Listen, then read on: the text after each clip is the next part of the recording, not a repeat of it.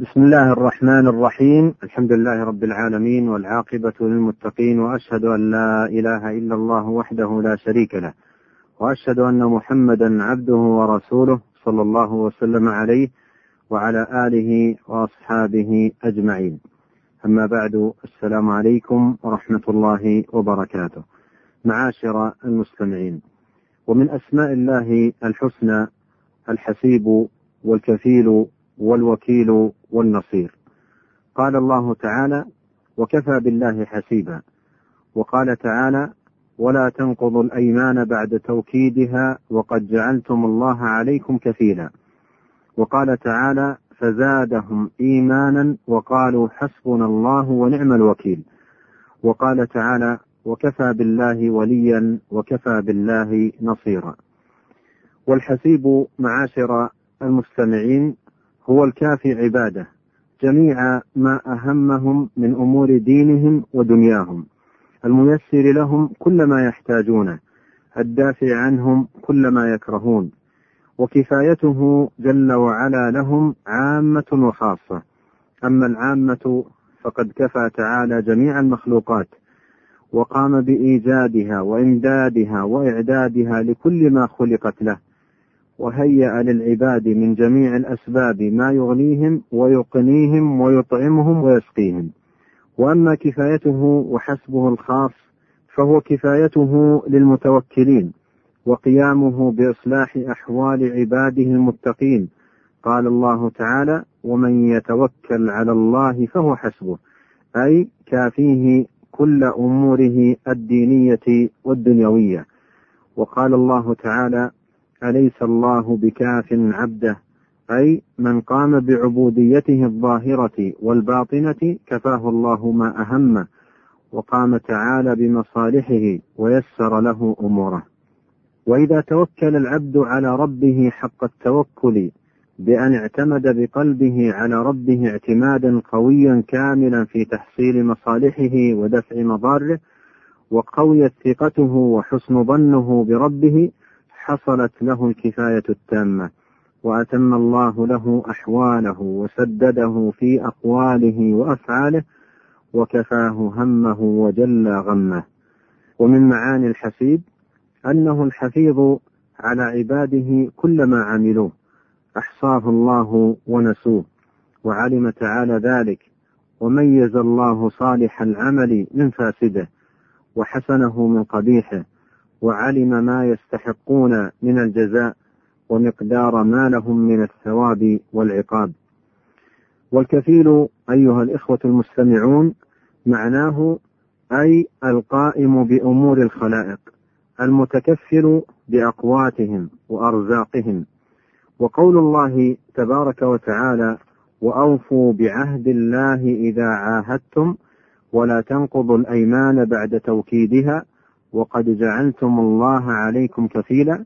قيل أي شهيدا وقيل حافظا وقيل ضامنا. هذا أيها الإخوة المستمعون ومن صدق مع الله عز وجل بذلك ورضي به سبحانه كفيلا أعانه على الوفاء ويسر له الأمر من حيث لا يحتسب. روى البخاري في صحيحه. عن أبي هريرة رضي الله عنه عن رسول الله صلى الله عليه وسلم أنه ذكر رجلا من بني إسرائيل سأل بعض بني إسرائيل أن يسلفه ألف دينار فقال ائتني بالشهداء. فقال كفى بالله شهيدا. قال فأتني بالكفيل. قال كفى بالله كفيلا. قال صدقت. فدفعها إليه على أجل مسمى. فخرج في البحر فقضى حاجته ثم التمس مركبا يركبها يقدم عليه للأجل الذي أجله فلم يجد مركبا فأخذ خشبة فنقرها فأدخل فيها ألف دينار وصحيفة وصحيفة منه إلى صاحبه ثم زجج موضعها ثم أتى بها إلى البحر فقال اللهم إنك تعلم أني كنت تسلفت فلانا ألف دينار فسألني كفيلا فقلت كفى بالله كفيلا فرضي بك وسألني شهيدا فقلت كفى بالله شهيدا فرضي بذلك وإني جهدت أن أجد مركبا أبعث إليه الذي له فلم أقدر وإني أستودعكها فرمى بها في البحر حتى ولجت فيه ثم انصرف وهو في ذلك يلتمس مركبا يخرج إلى بلده. فخرج الرجل الذي كان أسلفه ينظر لعل مركبا قد جاء بماله. فإذا بالخشبة التي فيها المال فأخذها لأهله حطبا. فلما نشرها وجد المال والصحيفة ثم قدم الذي كان أسلفه فأتى بالألف دينار. فقال والله ما زلت جاهدا في طلب مركب لآتيك بمالك فما وجدت مركبا قبل الذي أتيت فيه. قال هل كنت بعثت إلي بشيء؟ قال أخبرك أني لم أجد مركبا قبل الذي جئت فيه. قال فإن الله قد أدى عنك الذي بعثت في الخشبة فانصرف بالألف دينار راشدا. والوكيل أيها الإخوة المستمعون معناه الكافي الكفيل وهو عام وخاص. أما العام فيدل عليه قوله تعالى وهو على كل شيء وكيل وقوله تعالى والله على كل شيء وكيل أي المتكفل بأرزاق جميع المخلوقات وأقواتها القائم بتدبير شؤون الكائنات وتصريف أمورها. والخاص يدل عليه قول الله تعالى وتوكل على الله وكفى بالله وكيلا وقول وقوله سبحانه وقالوا حسبنا الله ونعم الوكيل أي نعم الكافي لمن التجأ إليه والحافظ لمن اعتصم به وهو خاص بعباده المؤمنين به المتوكلين عليه. وقد دعا سبحانه عباده إلى التوكل عليه وحده وجعل ذلك دليل الإيمان. قال الله تعالى رب المشرق والمغرب لا إله إلا هو فاتخذه وكيلا. وقال تعالى وعلى الله فتوكلوا إن كنتم مؤمنين.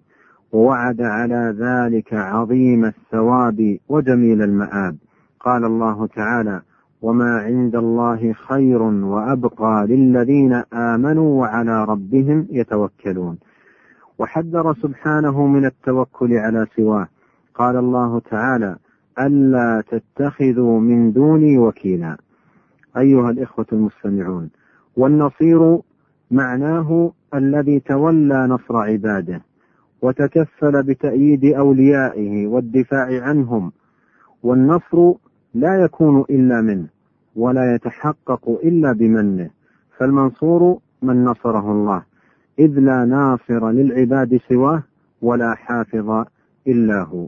قال الله تعالى وما النصر إلا من عند الله العزيز الحكيم وقال تعالى إن ينصركم الله فلا غالب لكم وإن يخذلكم فمن ذا الذي ينصركم من بعده وقال تعالى أمن هذا الذي هو جند لكم ينصركم من دون الرحمن وقال تعالى وما لكم من دون الله من ولي ولا نصير. وقال تعالى وكان حقا علينا نصر المؤمنين. أيها الإخوة المستمعون وقد ذكر الله سبحانه منته على أنبيائه وأوليائه بالنصر والتأييد في مواضع عديدة من القرآن الكريم. قال الله تعالى إنا لننصر رسلنا والذين آمنوا في الحياة الدنيا ويوم يقوم الأشهاد. وقال تعالى لقد نصركم الله في مواطن كثيرة وأخبر أنهم لا يطلبون نصرهم إلا منه ولا يلجؤون في نيله إلا إليه.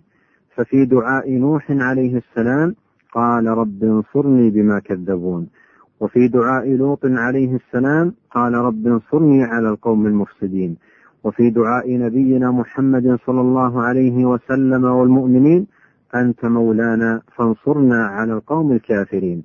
وفي سنن أبي داود وغيره. عن أنس بن مالك رضي الله عنه قال كان رسول الله صلى الله عليه وسلم إذا غزا قال اللهم أنت عضدي ونصيري بك أحول وبك أصول وبك أقاتل. هذا وإنا لنسأل الله عز وجل بهذه الأسماء الحسنى وبأسمائه كلها. أن ينصر دينه وعباده المؤمنين وأن يعز الإسلام والمسلمين وأن يذل الشرك والمشركين. إنه تبارك وتعالى سميع الدعاء وهو أهل الرجاء وهو حسبنا ونعم الوكيل. وبهذا تنتهي هذه الحلقة وإلى الملتقى على خير إن شاء الله في حلقة قادمة. أستودعكم الله والسلام عليكم ورحمة الله وبركاته.